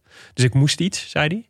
En, eh, en eh, dus die ging op een En dan gegeven is moment... Bennett waarschijnlijk de enige ter wereld Nou ja, die de sprint van Vogelsang verliest. denk jij dat Bennett zou winnen van, eh van Vogelsang? Ik, ze gingen met z'n drieën, dat was vlak, vlak voordat Vlaasov eh loste. Ja. Toen gingen ze met z'n drieën daarop af. En toen appte ik in, in de groep van dit zou wel eens de langste sprint ooit kunnen worden. ja. Laat ik zo zeggen, Bennett staat ook niet echt bekend, omdat hij zo'n... dat het zo'n... Nee, ja, het zijn allebei, het is geen Caleb Ewan, zeg maar. het zijn allebei strijkijzers. Maar ik wist eerlijk gezegd niet zo goed hoe Vlaasov ervoor stond. Nee. Maar ja, de, ja, Nou, in ieder geval, Bennett had het gevoel dat hij, eh, dat hij niet zou winnen van Vogelsang als het 1 tegen 1 zou worden. Ja. En dat hij er dus vandoor moest. En die voelde Vlaashoff in zijn rug. Eh, dus die ging er vandoor. En eigenlijk vervolgens liep hij op een counter van, eh van eh Vogeltje. ja, en toch vond ik eigenlijk dat Bennett het niet slecht deed. Ja, ik kon niet anders. Hij kon, Ja. nee, hij kon niet, niet veel anders. En, eh, maar die Astana zelf speelde ook. het echt mooi uit. Bennett Ja. zei zelf ook na afloop, zei hij, ik ben trots op wat ik gedaan heb. Ja. Ja. Nou, het is ook nogal wat om het tegen zo'n ploeg op te nemen. Ja, en om, Ja. gewoon, Ja, en om tweede te worden in Lombardije, laten we wel wezen. Bennett eh, heeft een abonnement op de tiende plaats. Nee, En dat is hartstikke knap. eh, vrijwel elke koers die hij rijdt. Dus eh, dat hij gewoon Ja. Grand Piemonte wint. En, en nu hier tweede wordt, is toch echt fenomenaal. Dat geeft echt aan dat, dat de Jumbo's gewoon echt iets heel erg goed hebben gedaan de afgelopen maanden. Ja. Een stuk beter dan podcast met ons gemaakt. Bijvoorbeeld. Dat, Dat sinds- heeft denk ik heel erg geholpen. sindsdien is het wel echt gaan lopen, ja. Ja. Eh, nee, maar Ja. Ineos drama, Mobistar drama. Ehm, nou ja, Ja. de grote winnaars zijn eh, Astana, Quickstep, Bora. Bora en Jumbo. En Jumbo bovenal, eigenlijk. Nou ja, eh Quickstep staan nog steeds echt qua overwinningen daar ver boven. Maar Ja, ja, maar als je kijkt wat soort overwinningen. Ik bedoel, het is de, de Milaan Sanremo. En eh, is het natuurlijk wel de, de belangrijkste misschien met Lombardije tot nu toe ja, geweest. ja. Ja, en veel van de Quickstep overwinningen zijn nog van voor de, voor de break. Oh ja. Dus we gaan nog zien wat eh, Vlaamse klassiekers gaan brengen. die straks. statistiek vertekent een beetje. Ja. Even kijken naar de Ja, rit. dat- Wat, het, wat het voorjaar ons nog gaat brengen. Dat is Ja, een beetje... Vlaams voorjaar gaan brengen. Eh, we gaan even kijken naar de rituitslag. Ja, Ehm, nou ja, we hebben dus eh Vogelsang op één. trek hem maar open. Ja, dan moeten we. Ja, dan moeten we wel. het is hè? niet Er anders. staan hier eh, drie vlugeltjes voor. Ik heb nog nooit in mijn leven denk ik nee gezegd tegen een vlugeltje. Wat mij ook niet altijd even goed is bekomen. Dus toch in eh Maden. Met de tandjes, hè jongens, met de Oh, tandjes. sorry, ik heb hem al Ah. opengemaakt. Ah, je moet met je tanden moet je het dopje open houden. Ja, er moet echt, een, een- ideaal is als er een stukje voortand afbreekt. Dan heb je het echt goed gedaan. 1, 2, 3. Mm, mm. Mm. Oh, Oh, wat lekker jongens. oh, schitterend. de dugout. Oh, Het staat ook achterop mixdrank met alcohol. Ja. Belangrijk voor het publiek dat Nou ja. normaal gesproken vlugeltje bestelt. wat is dit eigenlijk? Oh, een mix Ah, er met zit alcohol. in, het zal wel goed zijn. Ai, ai, ai, ai, Oh, goed. Maar goed, vlugeltje. Tim is afgehaakt, jongens. Vlu- eh, Vlugeltje eerste, Bennett tweede, Vlaashoff. Nou, die, die heeft dus zoveel knechtwerk gedaan. Die wordt gewoon, eh, die zit maar 20 seconden achter Bennett. Dan eh, drie tracks, Mollema, Chicone, Nibali. Eh Schachman wordt nog zevende met zijn schouder, eh, met zijn Gebroken sleutelbeen. gebroken sleutelbeen. Dan Ulissi, Ben Hermans van Israël Startup Nation wordt negende. En Mathieu van der Poel wordt tiende. Ja. 6,28. Skitterend. Echt knap. Mag ik nog even focussen op nummer 12? Nee. Antonito. Antonito. Ah, wordt oké, dan gewoon- mag het wel. Wordt hier gewoon twaalfde. Ja. Ja. Dat is knap hoor. Zeker. Ja, die zat gewoon met Carapaz. Ja, hij heeft hem verslagen in de sprint. Ricci. Ricci wist niet wat hij Gaat meemaakte. Tolhoek nou... eh, Waarschijnlijk heeft hij hem niet gezien. Nee, ja, dat was niet opgevallen. Gaat Tolhoek nou misschien mee als knecht dan naar de Tour... als, eh, als Kruiswijk niet mee kan? Ah, goeie vraag. Ik, ik weet het niet wat het, wat het plan daarvoor is. Nou, Teunis is eerste reserve. Maar Teunis is natuurlijk eh, niet eh, fit. Die was gevallen. Ja, was fit. En zou volgens mij Hageland rijden, dacht ik. Maar is, eh, is- dat is, stond niet op de startlijst uiteindelijk. Hij staat wel nog op de startlijst voor ehm Ouest-France. Ah ja, Plouet. oké. Ja, maar in ieder geval, eerst, die zou eerste reserve zijn. Maar ja, als je Kruiswijk kwijtraakt, kan ik me voorstellen dat je liever een klimmer hebt. Vraag even dan. En Als, we- als, we nou aan- als we het aan Goh, één iemand we- kunnen vragen... dan is het Mike Teunissen. Kennen we maar iemand in de omgeving van Mike Teunis? Ja, ik, zal het, goeie. ik zal het eens vragen. Is Oké. goed. In de volgende uitzending eh, horen jullie meer. Misschien, over, over eh, dit mysterie. Nog even aandacht voor de nummer 19. Wilco Kelderman. Ja, Die reed ook gewoon mee, hè? ja. Wilco's, eh. Wilco's kansen zijn gestegen voor de Giro in de afgelopen week. Ja, dat is, wel een, dat is ook wel een taaie ding natuurlijk. Weet je, de een eh, zijn dood is de ander zijn brood. eh, bijna letterlijk. Dat is het Maar- leven, Jonne. Ja, Maar mag ik daar nog één theorietje over loslaten? een kleintje dan. Want ehm, stel dat Kruiswijk het niet haalt, de Tour. Dan, eh, en eh, met eh, Groenewegen in absentie bij de Giro. Want die gaat hij natuurlijk nooit rijden. Zou Kruiswijk dan de Giro gaan rijden? Nee.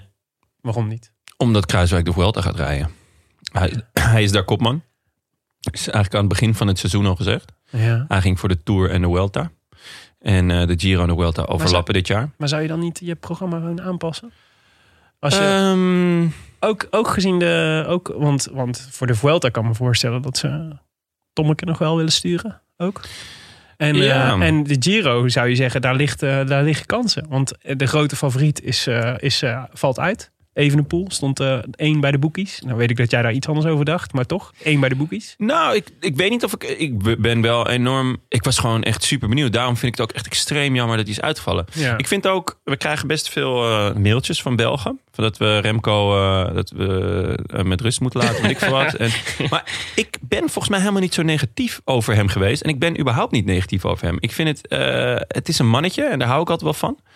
Eh, en, en ja, ik, ik was gewoon echt razend benieuwd naar hoe Ik hij ook. drie weken tegen, eh, tegen een aantal toppers, niet heel veel, maar een aantal toppers Nou, in het hoge bergte zou gaan doen. Zonder echte ploeg. Eh, maar ik ook. Maar denk je niet dat er nu dus met, met al die matige bezetting zeg maar, van klassementsrenners... dat er voor Kruiswijk, van wie de Giro toch ook unfinished business is... om het zo maar eens te zeggen, Ja. ook best een mooie kans ligt. Eh, enorme kans. Ehm, Leuker toch? Het zou toch leuker zijn om Kruiswijk nu naar... De, ook, want volgens mij, wat, moet, eh, wat moeten ze bij, eh, bij eh, Lotto... Jumbo-Visma nou eh, in de Giro zonder Groenewegen? Dat is ook De vraag. plus, de plus is toch een kopman? de plus is kopman, maar, het- Maar ze, de gingen plus, voor de, de plus is een Ineos-renner. Ja. ze gingen voor Groenewegen. Groenewegen was echt eh, het speerpunt voor de Giro. Met, omdat er echt wel Ja. Tussen de vijf en de acht Ja, het zou, sprintkansen het zijn. zou Groenewegen versus Jacobsen worden in de Giro. Ja. Nee, dus, dus, Maar gaat Groenewegen zeker weten niet meer naar de Giro? Nou ja, volgens mij heeft hij zijn fiets niet meer aangeraakt sinds eh, Polen. En, eh, Hij heeft zijn sleutelbeen gebroken sowieso. en ze hebben hem, eh, ze hebben hem op non-actief gesteld. En volgens mij komt er een schorsing aan voor hem van de UCI. En ik vermoed lijkt me heel sterk dat de Groenewegen dit jaar nog fietst. Echt? Ik Ja. vrees daar ook wel een beetje voor, ja. Ja. Zo.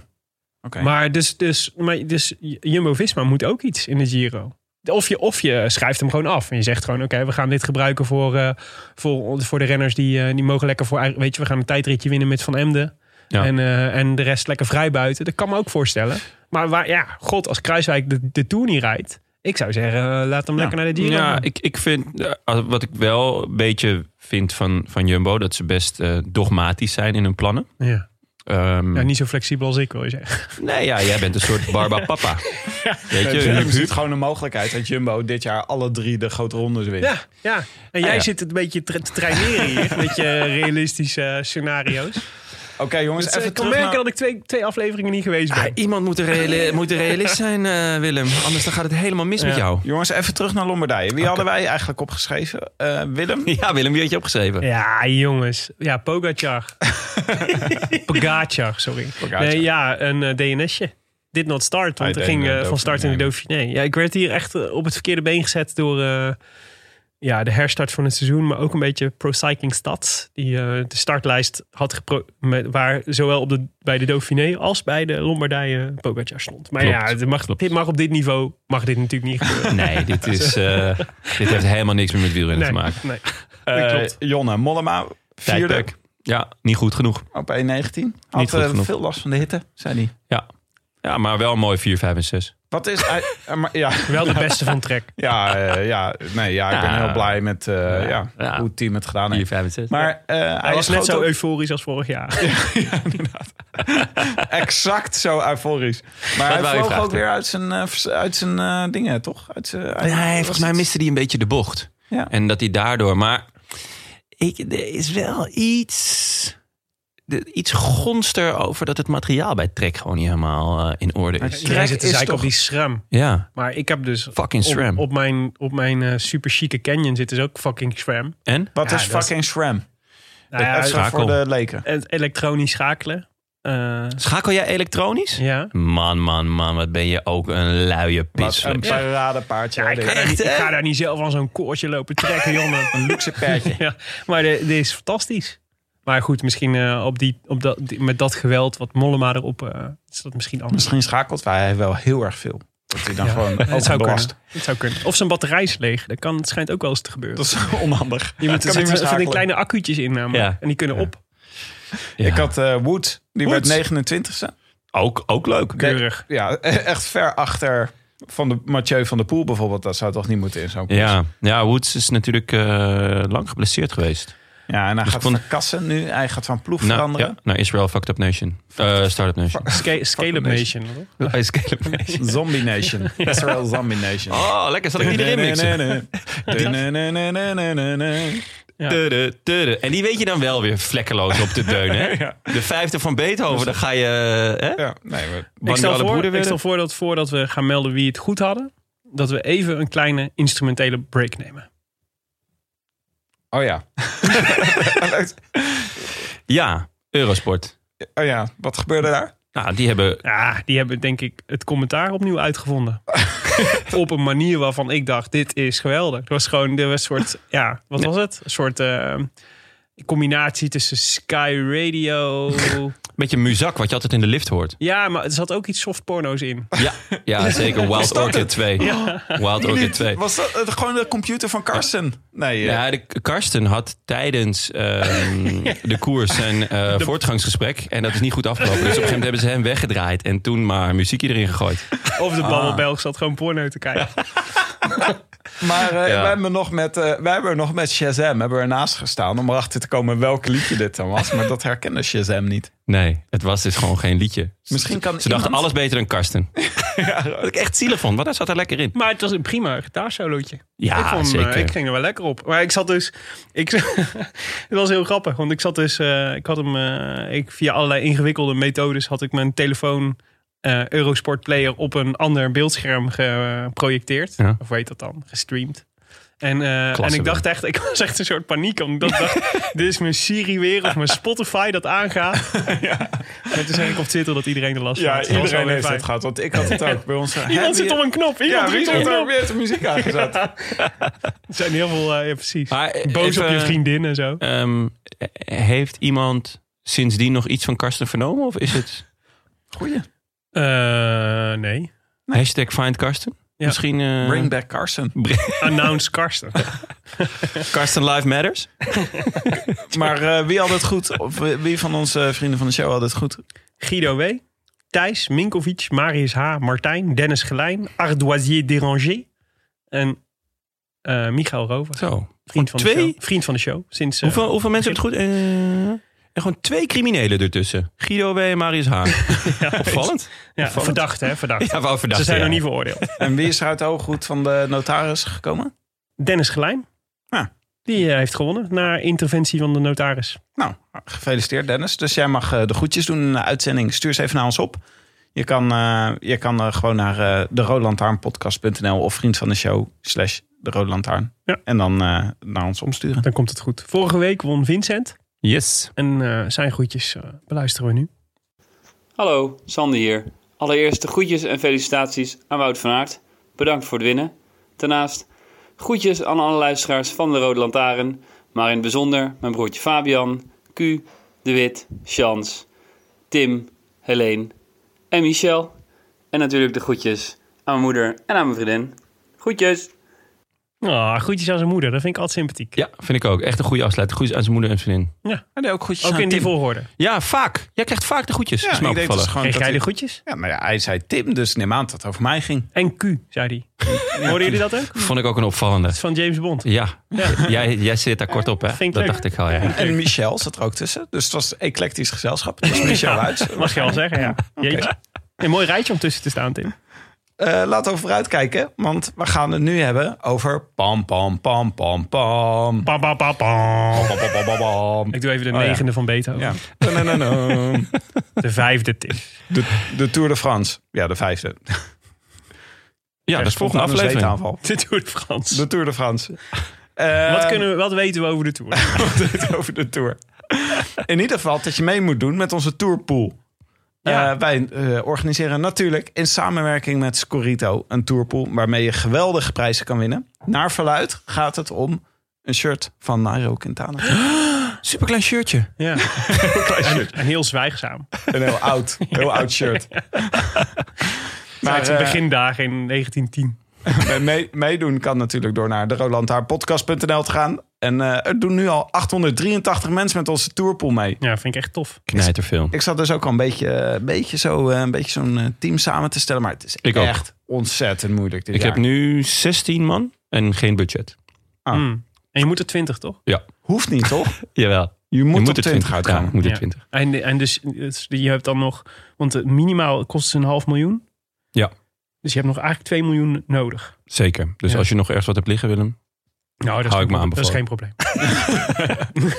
hier schrik jij niet van. Stuur maar een tikkie.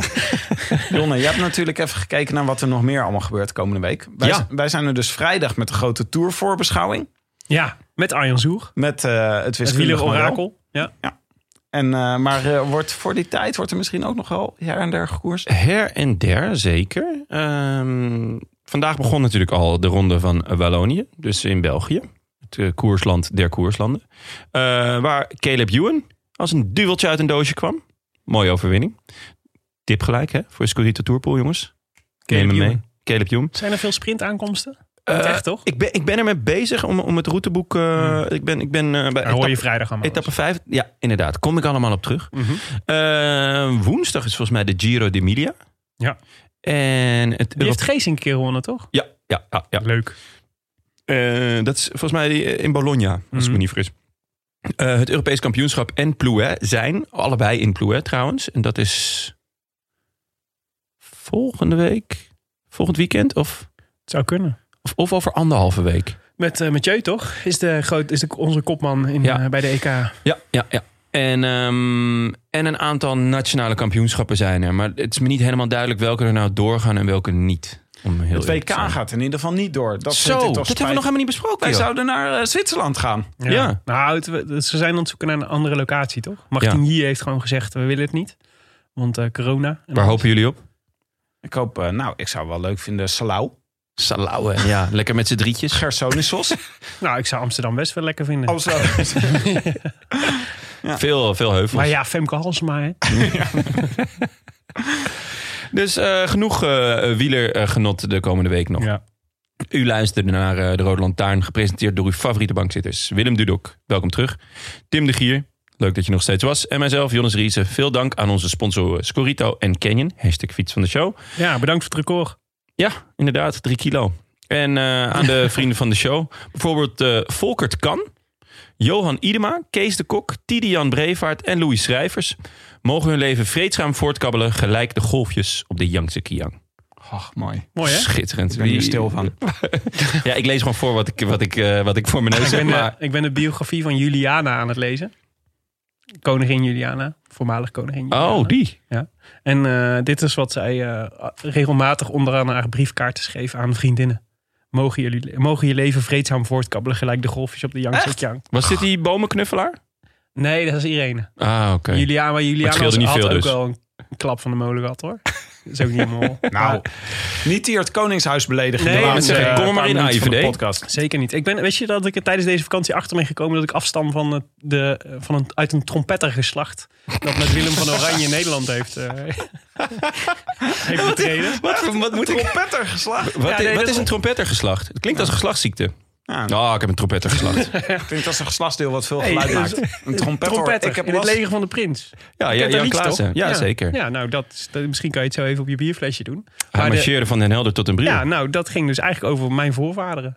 Die waren trompetter in het leger van de prins. Dat moesten moesten de bevelen doorgeven op het slagveld. Dat deden trompetters. Oké jongens, wil je dit schitterende peloton van inmiddels 348 vrienden vergezellen? Browse dan naar de rolandtaarnpodcast.nl en trek de geldbeugel. Geldbeugel? Ik probeer elke aflevering een nieuw synoniem voor portemonnee te verzinnen. Poeplap. Nou, Die hadden we vorige keer natuurlijk al. Ja, nou, dus vandaag is het geldbeugel. Oké. we waarderen het Ben je ook benieuwd wat het volgende week is? Luister dan weer naar de Lantaarn. Eh, we waarderen het enorm. En zo wordt het voor ons weer een stukje makkelijker om eh, lekker vaak mooie shows te maken. De Roland Taarn wordt verder mede mogelijk gemaakt door Dag en Nacht Media en het Skoers.nl, de wielerblog van Nederland en Vlaanderen. Wij danken hen voor de steun op vele fronten. En in het bijzonder Bastiaan Gaillard, Maarten Visser, Leon Geuyen en notaris Bas van Eyck. Tevens gediplomeerd brandweerman in Maden. Willem, hebben we nog een update? Nou, ja, Zo, ook geen kleine update. nee. de, ehm, Binnen het nee. uur gaat niet lukken, Tim. Ja, nee, de, de brandweer in Maden heeft, eh, ja, hoe zeg je dat? Het regionale nieuws gehaald. ja, er was namelijk een enorme brand in Tilburg op 10 augustus. Ah, enorm, enorm. Eh, er stond een bedrijfsverzamelgebouw in de fik. eh, met een make-up studio en een, en een tent waar oldtimers stonden opgeslagen. En ja, dat is dus de brandweer in Maden werd opgeroepen samen met de korpsen van Waspik, Hank, Breda, Tilburg en Waalwijk. En de goede verstaander hoort dan dat Den Hout ontbreekt. En het komt dat ze waarschijnlijk Den Hout niet goed genoeg vonden voor deze brand. Vind ik mooi. Ja, vind ik ook. Breda, Eindelijk. Waalwijk en Tilburg hadden een hoogwerker. Dat dan weer wel. Ik nou, vraag me af waarom Maden geen hoogwerker heeft. Dat zou inmiddels hè, met, met de huidige status van het korps Ja, niet meer staan. kamervragen. Kamervragen. Dat kan toch niet? Ja. Hoezo? We zijn geen hoogwerker. Ja, maar, dus, eh, maar ze zijn opgeroepen en ze hebben het, eh, de, de naastgelegen panden nat gehouden. En daardoor sloeg, de brand niet over. Ze mochten niet eens de brand blussen. Om, waarschijnlijk omdat ze geen Niet op hoogwerk het hadden. vuur. Niet op het vuur.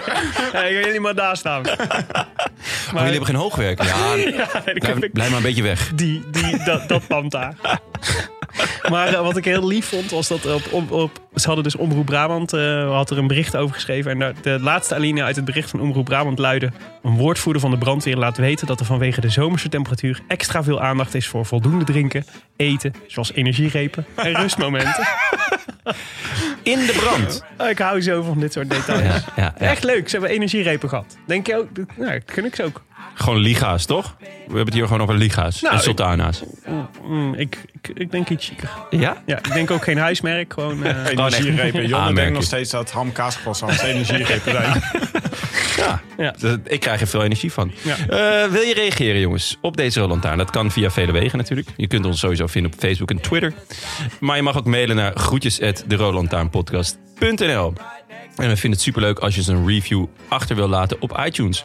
Omdat we ze zelf heel leuk vinden, maar ook omdat ze anderen helpen de show te vinden. Tim, hebben we er nog eentje? Ja, zeker. Ja, nou, we hebben allemaal vernietigende recensies voorgelezen in jouw afwezigheid, Willem. Ja, schande, ik hoorde het. Als je niks aardigs te zeggen hebt, zeg je maar niks. Wie zei dat ook alweer? Ook alweer altijd? Ja, mijn oma. Ja. Ja, mijn oma zaliger. Beide mijn oma zaliger. Nou, we, we hebben eh, deze week een, eh, een recensie van eh, onze goede vriend Clitfire. Echt? Wat een heerlijke podcast over puntje, puntje, puntje. Luister recensie. Ja, dit wordt al, alles wordt nu dubieus wat Clitfire eh, spit. Ik voel nattigheid. Tijdens mijn... Jonne. Kom op Jongen. nou. Willem, je- Heel je- eerst had je gewoon nog rare, Strafdeutje na afloop. rare gekke naam had je eerst. En nu begin je gewoon ronduit eh, pornografisch materiaal. Eerst dat pornoriedeltje er doorheen en nu dit. En nu Clitfire. Clitfire. Tijdens mijn fietsrondjes in Zuid-Frankrijk deze vakantie de tijd makkelijk doorgekomen door de podcast van de Rode Lantaarn. Supergoede historische kennis van het wielrennen en de perfecte hoeveelheid humor. Kan al niet wachten op de komende maanden ga ze door. Ik ben meteen vriend van de show geworden. Eh, eh, box, spierballen. Dank je. Nou, oh, mooi. dankjewel. Clitfire. Klinkt ook als een trompettergeslacht. Echt ontzettend bedankt, Clitfire. Eh, wij zijn er vrijdag weer met de grote voorbeschouwing van de Tour. Met ons wiskundig model Arjen Zoe. Wat leuk is, want ik had altijd al het gevoel dat ik met Bassie en Adriaan aan tafel zit. En nu komt Robin er ook weer bij. Goed, jongens. Ik ben, eh, vind het leuk eh, om weer aanwezig te zijn aan deze tafel. Insgelijks. Fijn dat je er weer bent. A bientôt. A biento. I wish I could be in the south of France. In the south of France. Sitting right next to you. Mooi in koor ook nog, jongens. Oh, eh, ja, en we moeten nog... eh, eh, Oké, wat gaan we doen? eh, we gaan nog even eh, de, de vijfde van, van Beethoven spelen natuurlijk. Oké, jongens. Eh, 3, 2, 1.